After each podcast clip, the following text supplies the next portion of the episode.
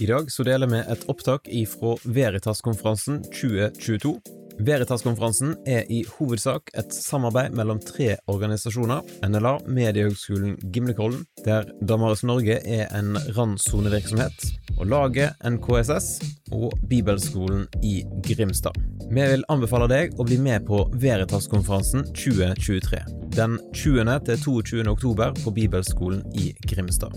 I 2023 så vil hovedtemaet være Fornuft og fantasi arven etter CS Lewis. Sjekk ut veritaskonferansen.no for mer informasjon, og meld deg på i dag.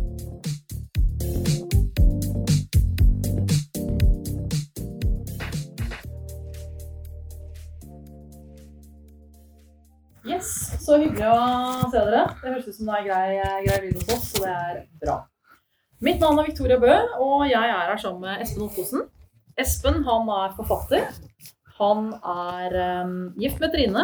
Han er skribent, redaktør, samfunnsdebattant, englandsentusiast, hadde kajakk. Har skrevet en haug med bøker, og så er han veldig ofte, synes jeg i hvert fall, deltaker på Dagsnytt 18 på NRK.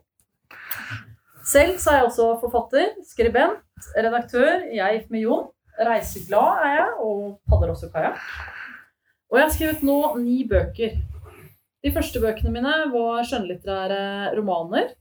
Um, men denne boka som Espen og jeg skal snakke om i dag, det er en bok om kristen tro, og den har vi skrevet sammen.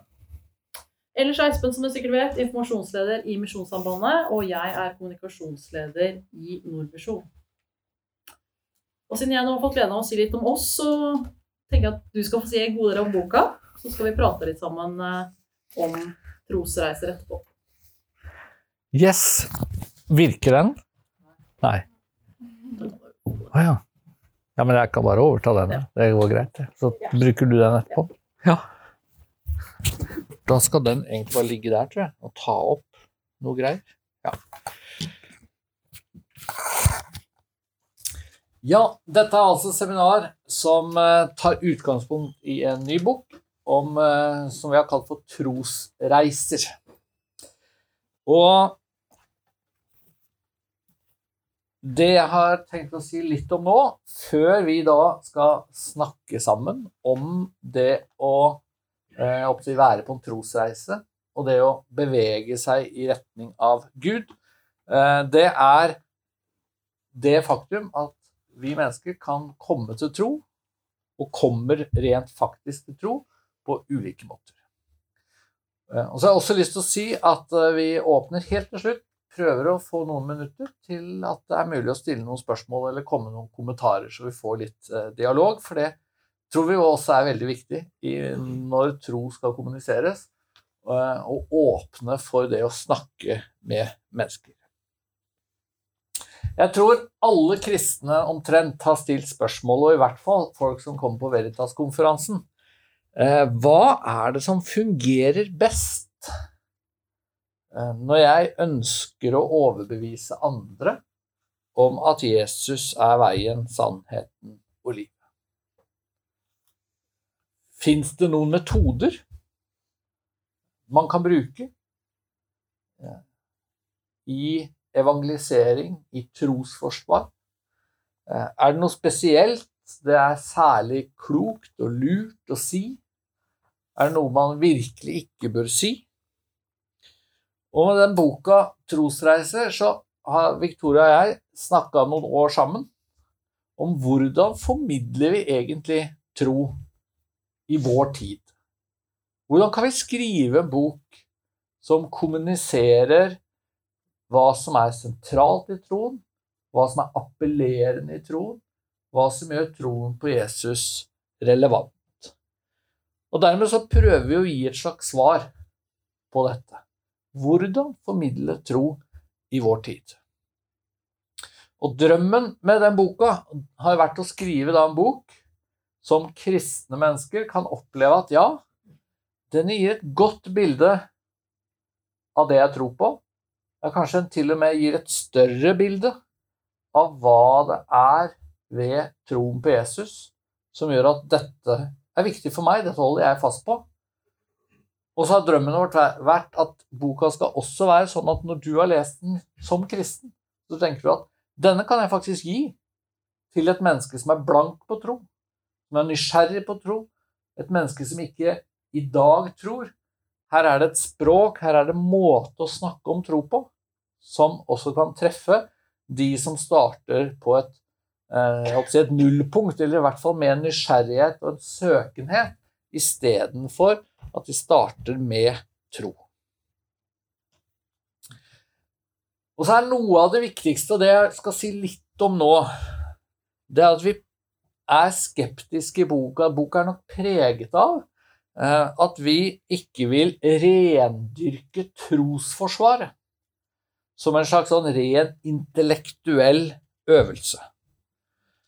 Så istedenfor at boka bare inneholder, hadde nær sagt, argumenter og intellektuelle refleksjoner, så inneholder den mange fortellinger. Den inneholder mye levd liv, i den betydning at vi forteller om mennesker som har kommet til tro, eller mennesker som har opplevd noe med Gud, som vi tror sier noe viktig om tro. Og vi prøver å undersøke hva slags eh, erfaringer, hva slags opplevelser, og ikke bare hva slags argumenter, er det som har hatt betydning for at mennesker ble kristne. Og så er det viktig å si, kanskje særlig da på en konferanse om trosforsvar, eh, at vi vi beskylder ikke, eller ønsker ikke å anklage mennesker for å drive dårlig trosforsvar hvis man ikke gjør det på vår måte. Eh, selv så har jeg lest veldig mye apologetikk og veldig mye trosforsvar. Jeg er begeistra også over mye av det som har kommet på norsk nå helt i den seinere tid. Jeg tror jeg har lest veldig mye av det William Lane Craig har skrevet, og for den saks skyld sagt i podkaster og den slags. Jeg har lest veldig mye av det Stefan Gustavsson har skrevet og formidlet, og setter veldig pris på det. John Lennox, som var her på Veritas for noen år siden, han jeg sier er en av mine helter. Eh, så jeg tenker kommunikasjon i form av apologetikk, det er viktig. Og kanskje noe av det viktigste er å ta rett og slett spørsmål og innvendinger til troen på alvor. Det er jo noe av det Veritas har vært gode på. At det er lov å stille alle slags mulige spørsmål, og man kan forvente i hvert fall at de tas på alvor. Og det å få gode svar, det har kjempebetydning. Og likevel, selv om jeg sier alt dette positive om trosforsvar og apologetikk, så er det noe med å innse også at veien til tro For mange så er det veldig mye mer enn bare en slags intellektuell reise, hvor du blir overbevist av veldig god argumentasjon. Og hva betyr det litt mer konkret? Jo, for det første så tenker jeg jo at godt trosforsvar, eller for den saks skyld evangelisering, det er jo avhengig av at vi møter mennesker som faktisk vil lytte. Som har en slags sånn åpenhet i møte med det kristne budskapet. Og da er det jo utrolig mye mer enn bare ord som betyr noe. En av de sterkeste fortellingene som jeg har lest i det siste, om, om et menneske som kom til tro radikalt, det er fortellingen som Rosaria Champagne Butterfield forteller. Den har vi ikke fått med i boka, for jeg leste denne boka etter at denne boka til Rosaria Butterfield leser jeg altså etter at vår bok gikk til trykkeriet, og det kan hende var like greit. Men noen av dere har kanskje hørt om Rosaria Butterfield. Hun har skrevet en del bøker nå i en seinere tid. Og hun har altså Hun var en feministisk ja til abort, ja til pride. Hun var en lesbisk aktivist som i 1999 ble invitert hjem til et pastorektepar eh, ikke langt unna der hun bodde. Hun ble invitert hjem til dem fordi hun hadde skrevet en kjempekritisk artikkel i avisa om den kristne høyresiden i USA. Og så inviterte de henne hjem, for de ville svare på noen spørsmål, ta henne på alvor, og sa kan ikke istedenfor at vi krangler på e-post eller brev eller bare tar en diskusjon, kan du ikke komme på middag så vi får god tid til å snakke sammen. Og så blei Rosaria, som da var i slutten av 30-åra, og dette ekteparet, som var i slutten av 50-åra, ble gode venner. Og så forteller hun veldig sterkt om at hver eneste uke så møttes de. Hver eneste uke hadde de en eller annen form for kontakt. Hver eneste uke så var dette ekteparet opptatt av å vise gjestfrihet og godhet overfor denne lesbiske aktivisten. Og så skal jeg ikke bruke mer tid på det nå, men hun ble altså kristen. Så langt jeg skjønner, et år, halvannet, etter å ha vært helt blank og veldig kritisk. Eh, I dag så er hun eh, pastorkone, har fire adopterte barn eh, og brenner for at det kristne først og fremst bør gjøre for å formidle tro, det er å vise gjestfrihet. Det er det det begynner med, skriver hun. For meg så ble den boka en påminnelse om litt av det vi prøver å si i vår bok. Menneskers vei til tro handler om veldig mye mer enn hva slags ord du blir møtt med, hva slags argumenter du blir møtt med.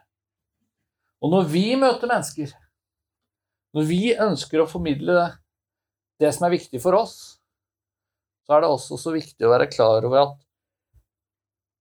at ordene våre isolert sett trenger ikke å være helt avgjørende. Troverdigheten vår, vennligheten vår, kan bety så mye mer.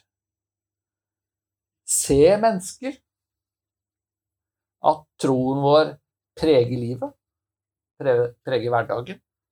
Ser de at troen på en måte gjør en forskjell?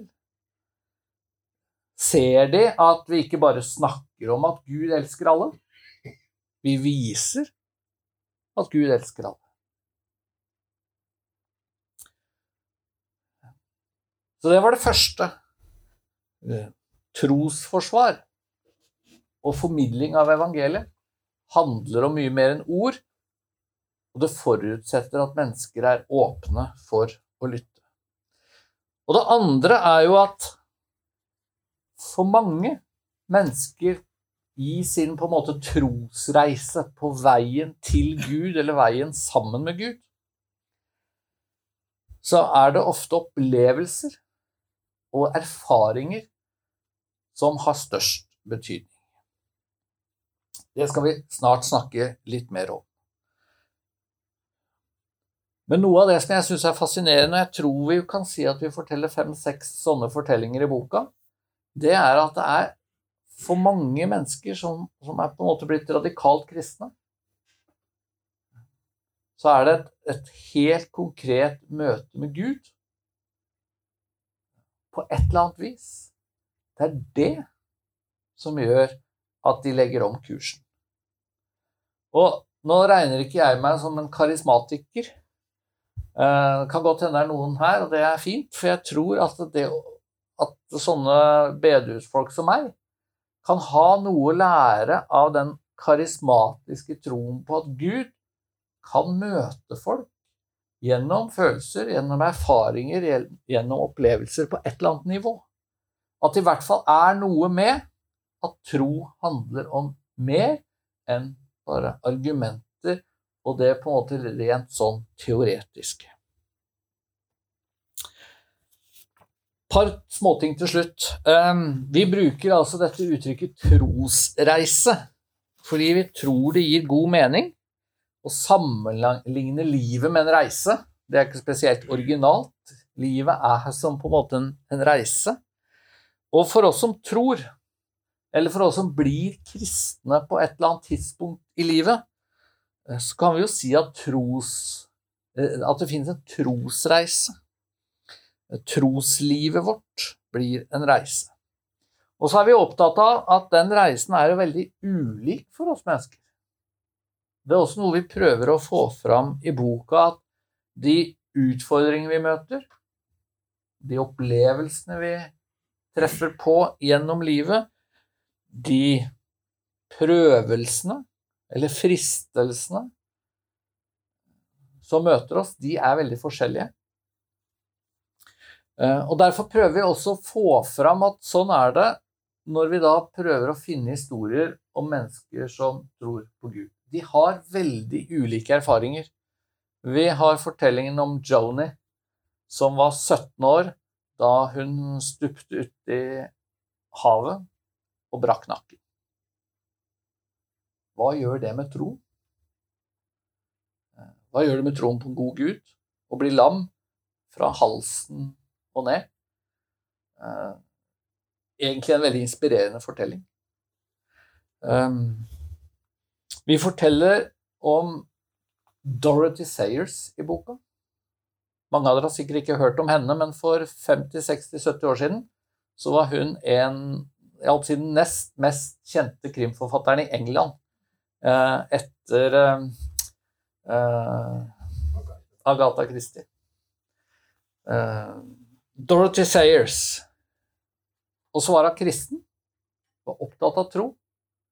Men hun var en av de som eh, nok ikke følte at hun helt fikk til kristenlivet eh, sånn som alle andre, fordi hun fikk barn utenfor ekteskap før hun var gift. Og det barnet var det ingen som egentlig fikk høre om før etter at hun døde.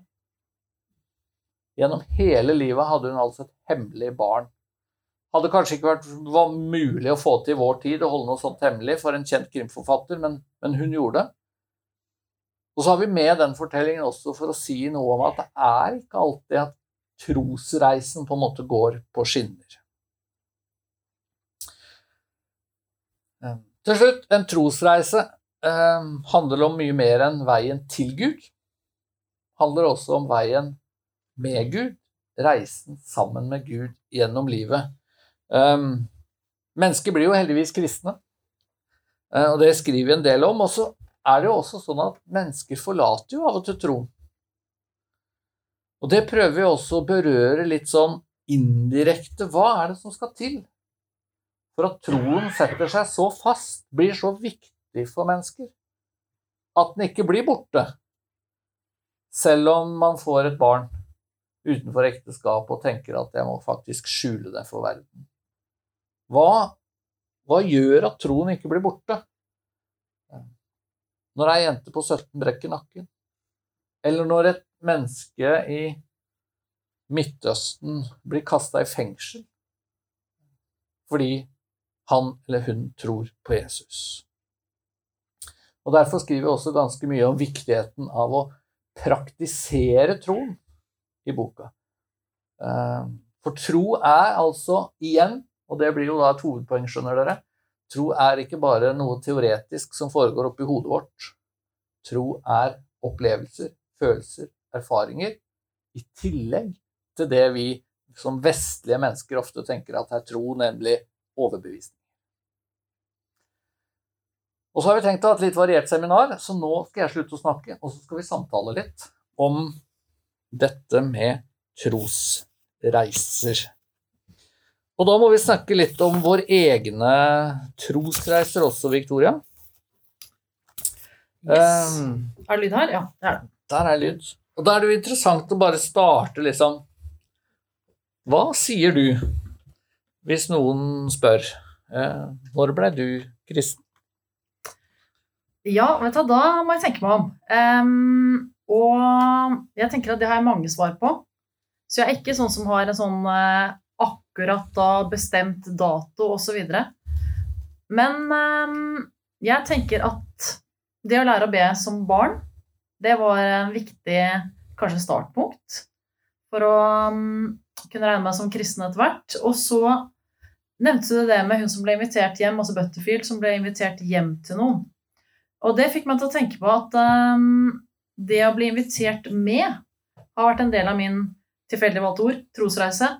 Um, fordi for eksempel da jeg var i begynnelsen av 20-åra, som kanskje noen flere er her, så studerte jeg i Oslo og var bare sånn egentlig ikke sånn kjempeinteressert i den troen som jeg hadde med meg hjemmefra. Og så var det en venninne som eh, stadig vekk inviterte meg med i storsalen. Og jeg vet ikke om jeg var sånn veldig god venninne, for jeg var ikke så veldig interessert. Men jeg blei nå med, og etter hvert så ble det viktigere for meg, og jeg begynte å virkelig høre etter. Så sånne invitasjoner til å bli med, det har vært eh, viktig, tror jeg, for meg på veien til å regne meg som, som ja, kristen også som voksen, og ikke bare som, som barn. Men du sier at troen da ikke var så veldig viktig for deg når du var rundt 20. Mm. Da, da, hva, hva var det som eh, holdt på å si, var utfordringen da? Var det Tvilte du på at dette i det hele tatt var sant, eller var det, var det bare ikke så naturlig å gi så mye plass til det? Jeg tror egentlig jeg er opptatt av andre ting. Mm. Eh, Jeg er forfatter, så jeg studerte litteratur, og jeg leste masse, men det var liksom skjønnlitteraturen som var viktig for meg, ikke troslitteraturen. Så det var mer den med ja, interesser i andre retninger. Men i, i boka her så har vi jo Vi har jo Men hva, vi kan ta deg først. Espen, hva med deg? Har du en sånn derre Da ble jeg kristen-opplevelse? Nei, jeg, det er jo selvfølgelig en skuffelse for dere som har kommet på seminar og kanskje eh, forventet et, et litt sånn fyrverkeri av eh, radikale omvendelser. Eh, det har ikke jeg heller. Men det som jeg syns er interessant å tenke på når jeg er blitt over 50 år, det er det at, at jeg tror jeg fra jeg var barn, så, så var jeg veldig opptatt av tro og Gud og Jesus og alt det der. Um, og det tror jeg i stor grad skyldtes at faren min døde når jeg var fem år. Uh, og det er jo ikke noe bra opplevelse. Og, og jeg kommer ikke til å sitte her og si at uh, Gud sørget for at far døde, for det var sånn Espen skulle bli opptatt av Gud og Jesus og, og tro. Det syns jeg er en sånn veldig overfladisk måte å forholde seg til død og lidelse og Dones problem å gjøre. Og samtidig så er det sånn fascinerende å se tilbake på det nå, at jeg møtte en mor som var eh, veldig opptatt av å si at eh, far var i himmelen. Og hun prøvde å si til meg og lillesøstera mi, eh, sikkert for at vi liksom skulle prøve å skjønne det, da, at, at far liksom gjorde klart for at vi andre skulle komme til himmelen etter hvert. Og da skulle vi møtes igjen. Um, og når jeg tenker på, tilbake på det nå, så tror jeg det for meg gjorde at dette med tro blei veldig viktig tidlig.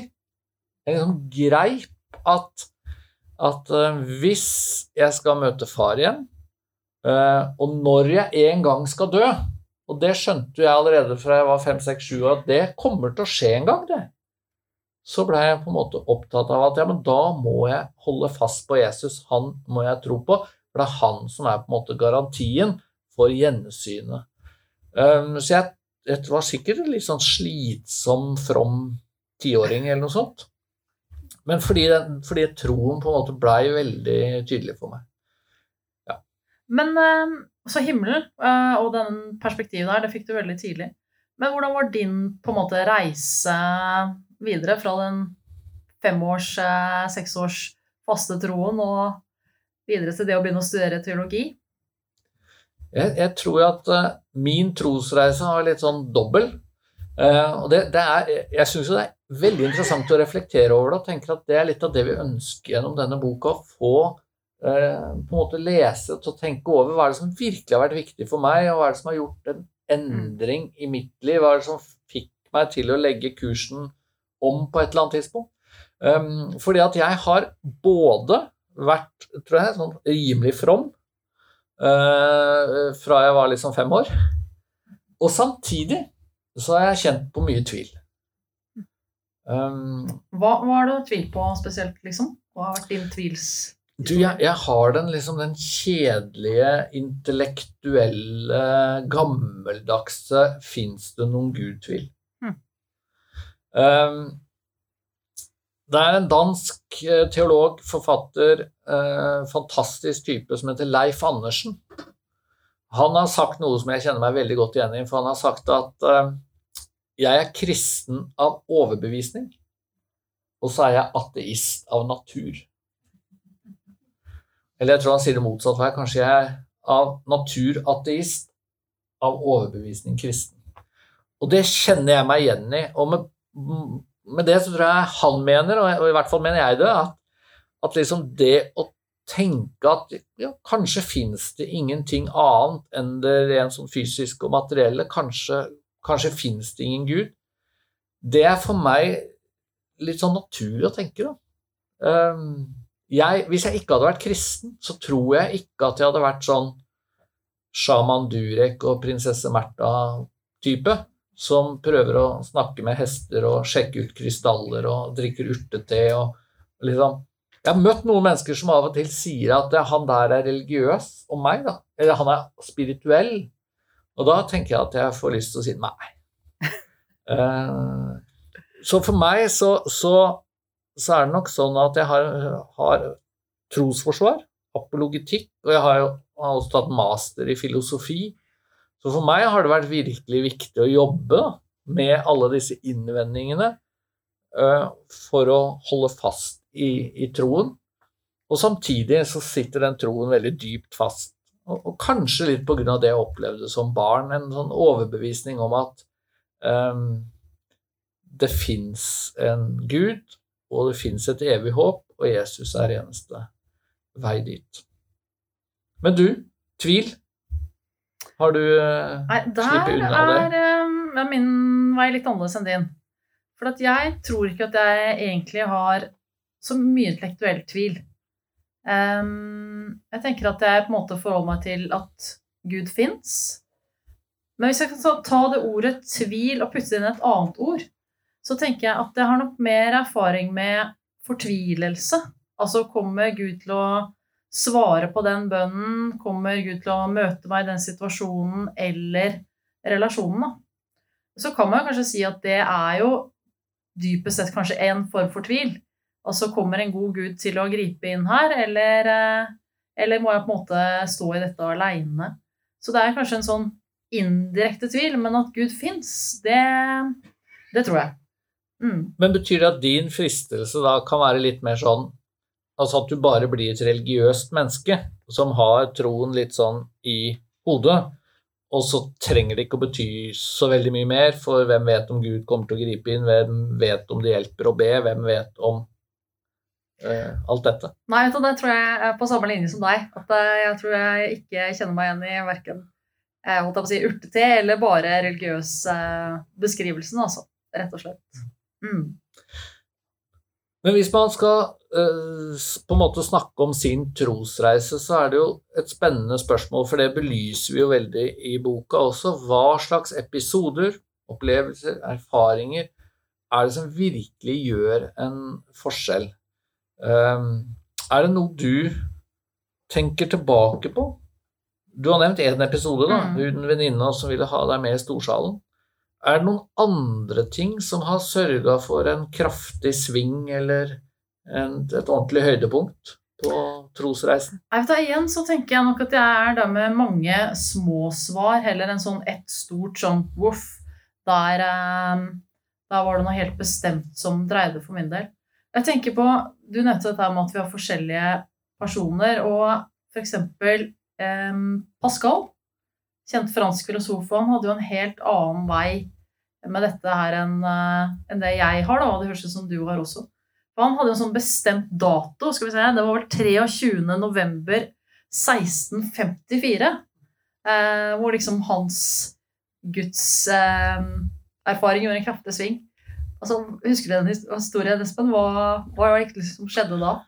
Ja, jeg jeg syns Pascal er kjempefascinerende, og det er jo derfor vi også har han med i boka. Og vi har han jo også litt med for, fordi at han Jeg tror jeg kjenner meg litt igjen i han på den måten at han kjempet nok med tvil.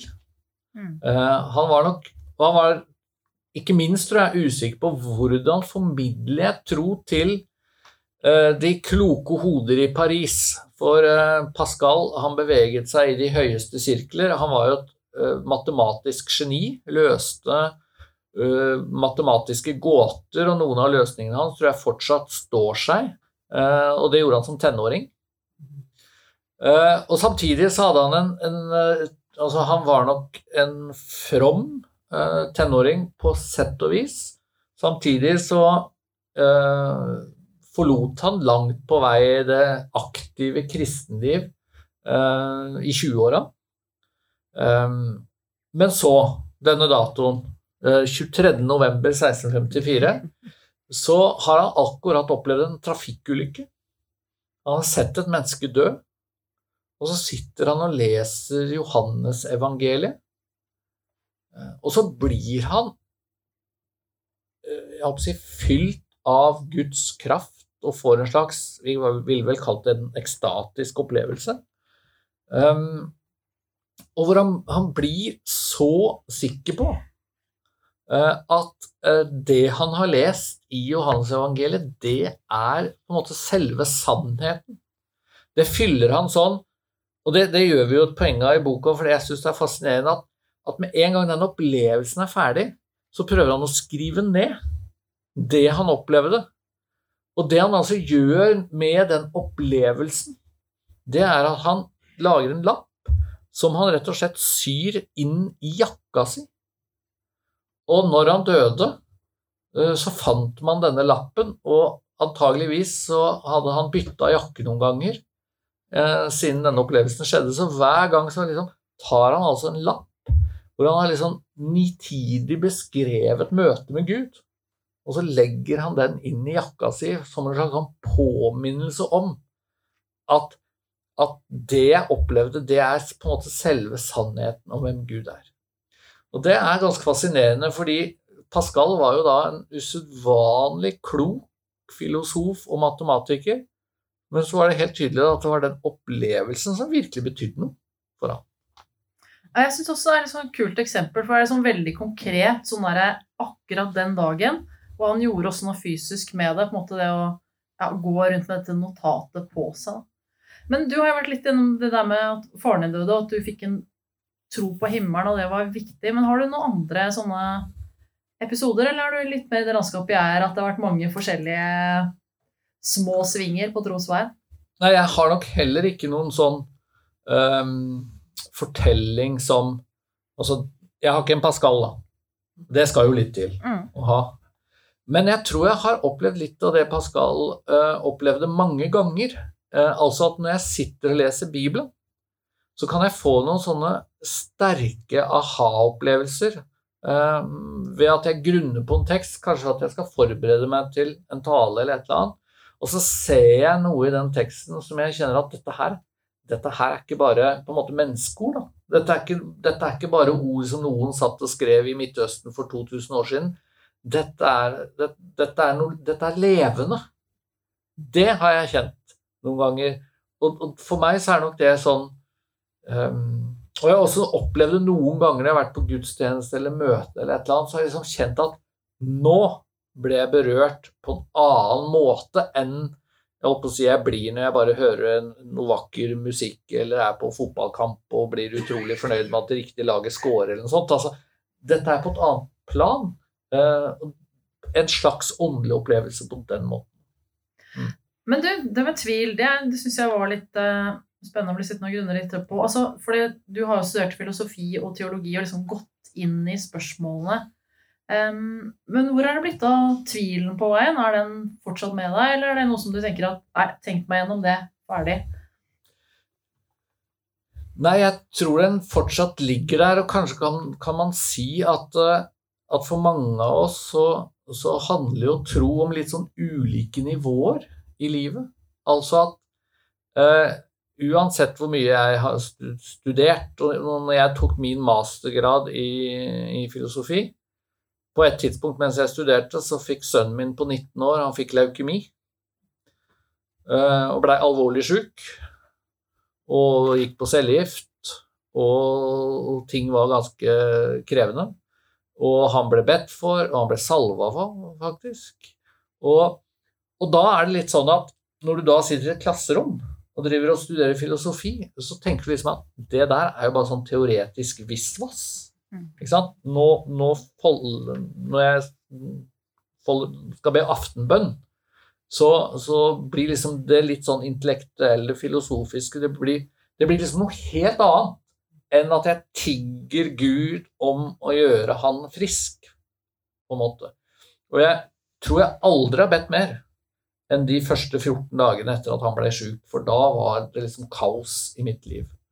Eh, og for meg så er det en slags sånn påminnelse om at jeg har som sagt tro på apologetikk og tro på trosforsvar og teologi og filosofi og alt det der, men det er noe med at det løser ikke alt, da. Eh, troen må på en måte stikke dypere, og, og, og, det handler om på en måte mer enn bare å få svar. Og, og så tror jeg jo også at eh, vi mennesker er så forskjellige at eh, Jeg tenker ofte over at hvis jeg møter liksom et menneske som har hatt en ordentlig, ordentlig dårlig opplevelse med kristne, Altså, De mest grusomme eksemplene er hvis noen er blitt utsatt for et overgrep av en prest eller en pastor.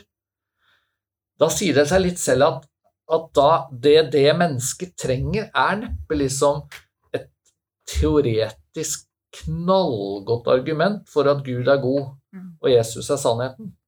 Det det mennesket trenger, er nok å bli møtt på et annet måte. Da. Bli, bli på en måte overbevist om at det jeg opplevde, det var et unntak. Det er ikke sånn kristne pleier å være, f.eks. Eh, og, og, og, så, så for meg så tror jeg tvilen kan ligge der. Den kan blomstre opp.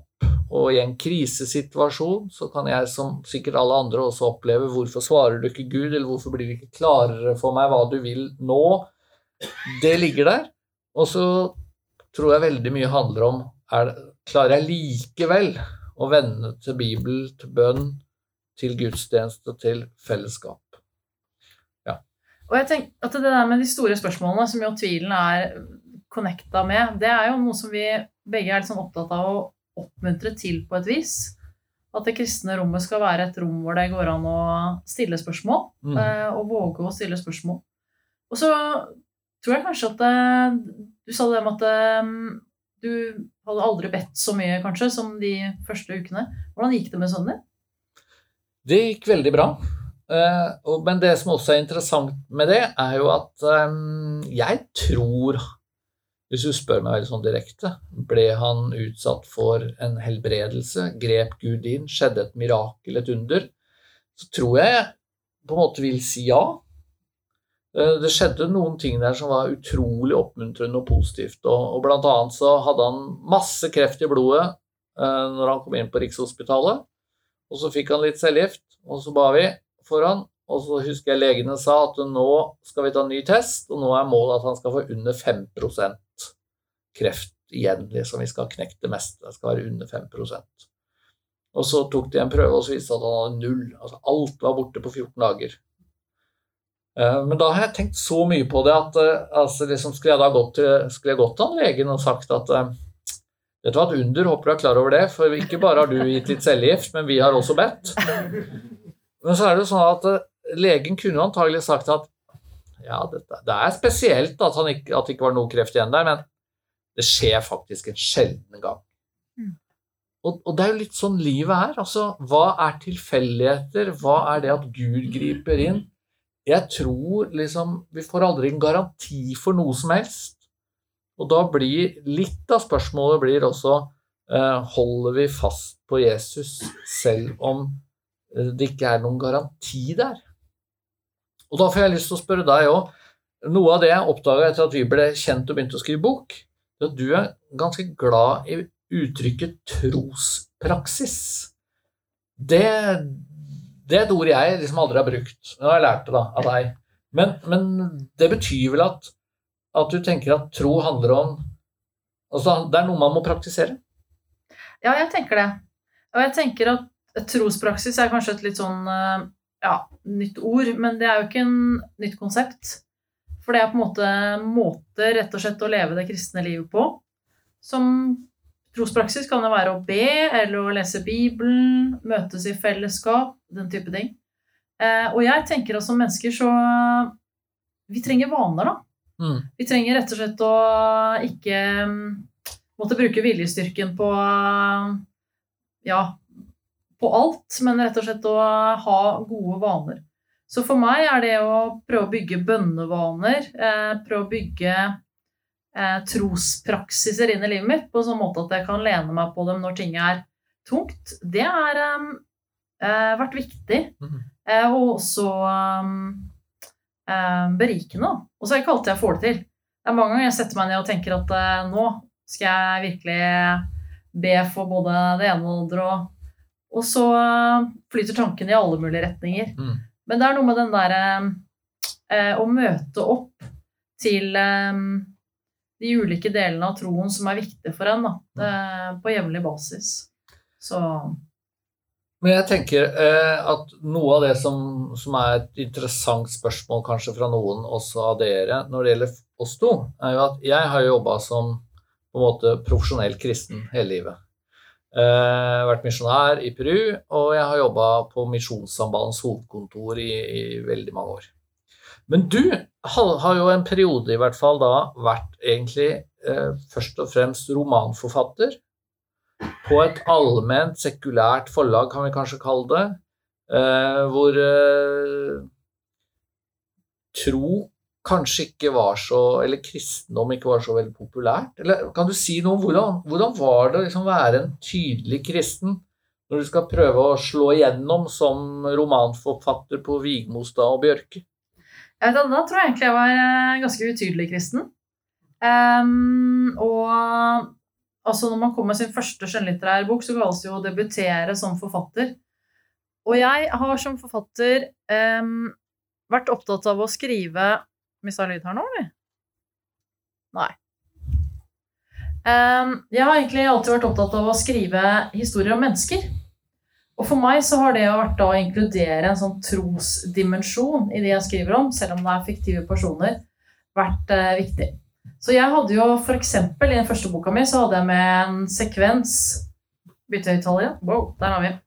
Hadde jeg med en sekvens hvor handlingen snudde, altså sånn vendepunkt, som man sier. Det er sikkert det jeg husker fra videregående.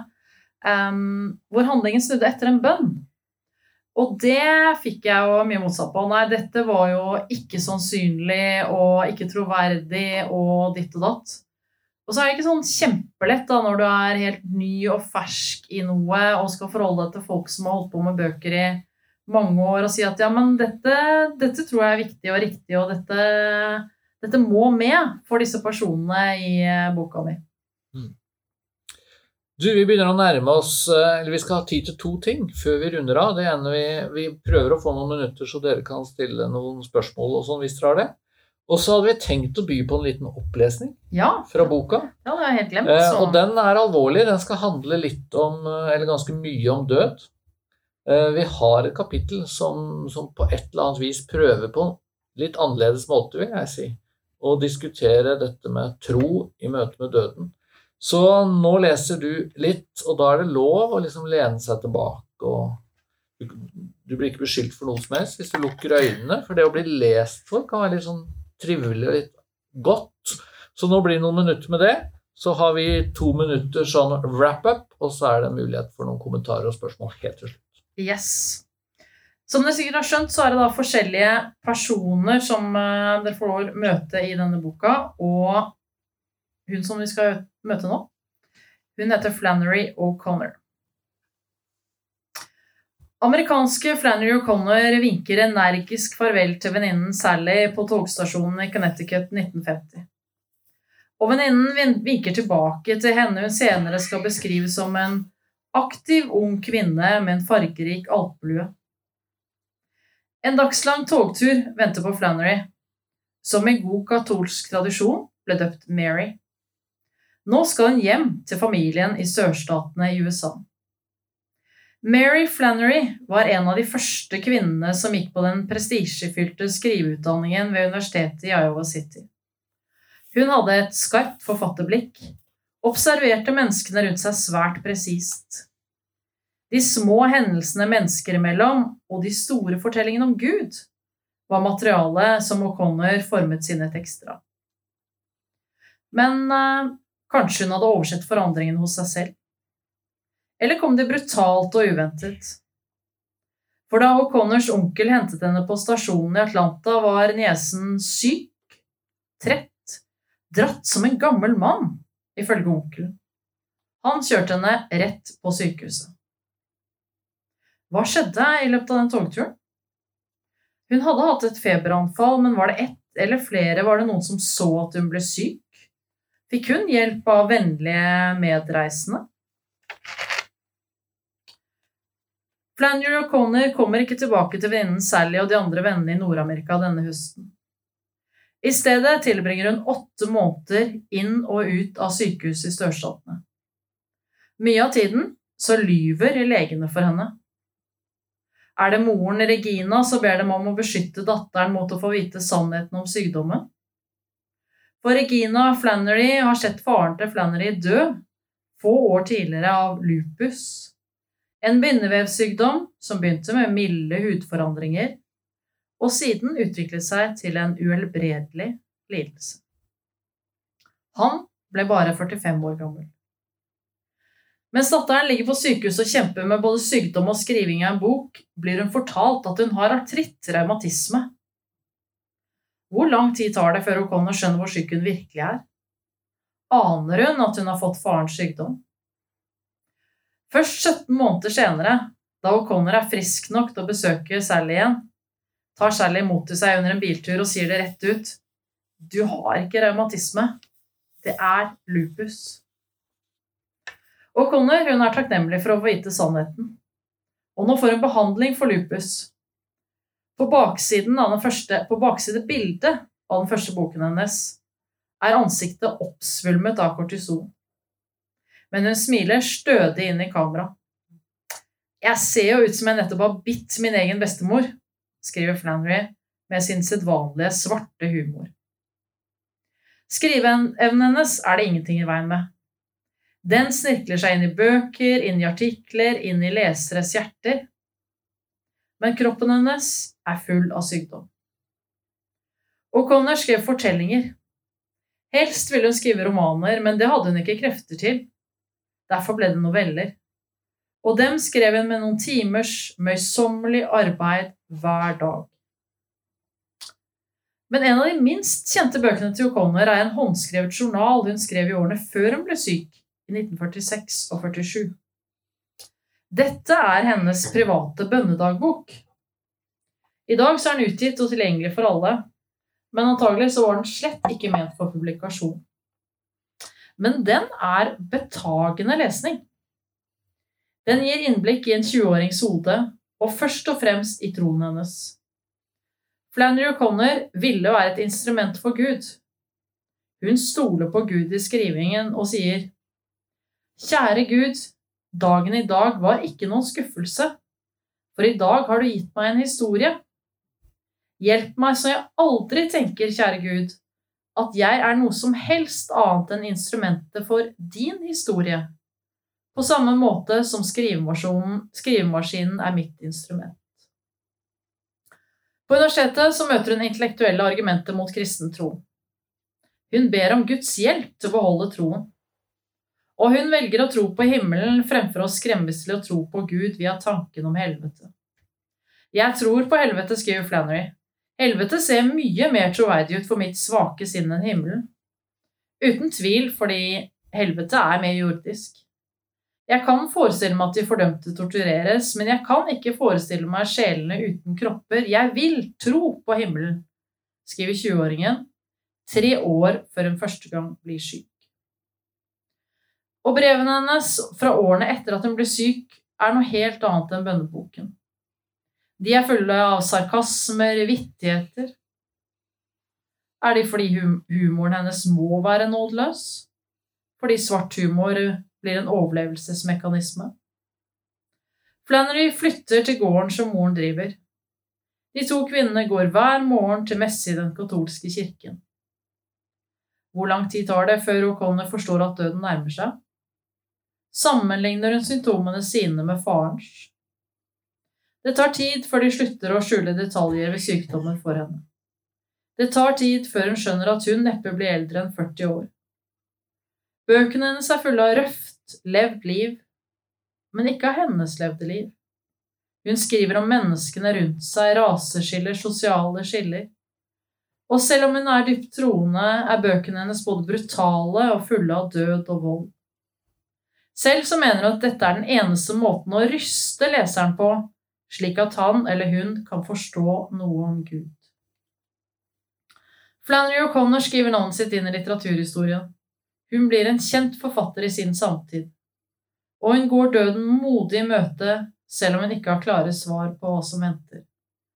Flannery skriver Når jeg spør meg selv hvordan jeg tror, så har jeg ikke noe tilfredsstillende svar i det hele tatt. Ikke noen overbevisning, ingen følelser. Jeg kan bare si, Herre, jeg tror. Hjelp meg i min manglende tro. Dette er jo en ganske dramatisk historie um, om, død. Men det er også den nest siste kapitlet i boken. For vi har valgt å ikke slutte med døden, men derimot med både gleden og oppstandelsen. Og så forklarer kanskje denne fortellingen også litt om hvordan boka er bygd opp. For eh, dette er starten på et kapittel om døden eh, som vi tenker er ganske treffende. Og så er det et møte med en person som mange av dere ikke har hørt om, Flannery O'Connor, men som um, vel fikk nobelpris i litteratur. Eller i hvert fall var en av de absolutt mest Ikke nobelprisen, men prisvinner, ja. Ja, mm. stemmer. Eh, en virkelig kjent eh, forfatter med en veldig tydelig kristen stemme. Eh, og samtidig så fikk hun altså ja, 23 år gammel, så kom på en måte sykdommen som førte til at hun etter hvert døde. Og jeg tenker jo at skal vi skrive om hvorfor tro er viktig, så må vi på et eller annet vis også berøre det alvoret som ligger i døden. At livet en gang tar slutt at det fins et evig håp, at det fins en dommedag. Og så prøver vi å, å, skrive om det på en så eh, interessant, eh, utfordrende og egentlig bibelsk måte som mulig. Og uten å bruke altfor sånn, hva skal vi si, klisjéfylt språk. Ja. Um, nå har vi kanskje noen få minutter igjen til spørsmål, hvis det er noen som har lyst til å spørre om noe eller kommentere noe, eller der i strøket? Vi prøver det. Uh, vi har noen spørsmål til hverandre, så vi kan fortsette, vi. Men uh, det er liksom greit å, å, gi muligheten, i hvert fall. Er det noen som tenker at det er et eller annet de hadde lyst til å kommentere eller spørre om, så er muligheten her i fem minutter. Jeg tenker jo at det hadde vært veldig spennende å høre deres historier. Og så er det noe med at det å stille spørsmål er ikke alltid så enkelt, men kanskje um, egentlig oppfordre litt til å ta med de spørsmålene og det å samtale. Det tenker jeg er en fin oppfordring i hvert fall sende videre. Mm. Og snakke med folk om både levd trosliv og også spørsmålene som vi har, da. Så og så er det ett lite spørsmål som henger i lufta, da, som jeg kan avslutte med å stille deg. Fordi jeg sa jo at jeg har jobba på en måte som profesjonell kristen hele livet. Du har vært bl.a. romanforfatter på fulltid. Men nå jobber du i Nordmisjonen som kommunikasjonsleder. Nå går du på jobben og spiser lunsj med bare kristne mennesker, i hvert fall nesten, får vi tro. Ja. Eh, hva på en måte gjør det med troen? Er det enklere eller vanskeligere å holde fast på troen når man på en måte er i en sånn setting at, uh, at, det er på en måte en del av jobben å være profesjonell kristen, hvis man kan si det sånn? Jeg er jo veldig takknemlig for å ha et arbeidsmiljø hvor vi kan be sammen. Uh, det å kunne be for uh, møter og for avgjørelser, og at det å ha andakt er på en måte en naturlig del av lunsjen, det syns jeg er en skikkelig gave, da. Så jeg tenker at det er en ja, det er noen sånn trospraksiser på jobben også som er veldig fine.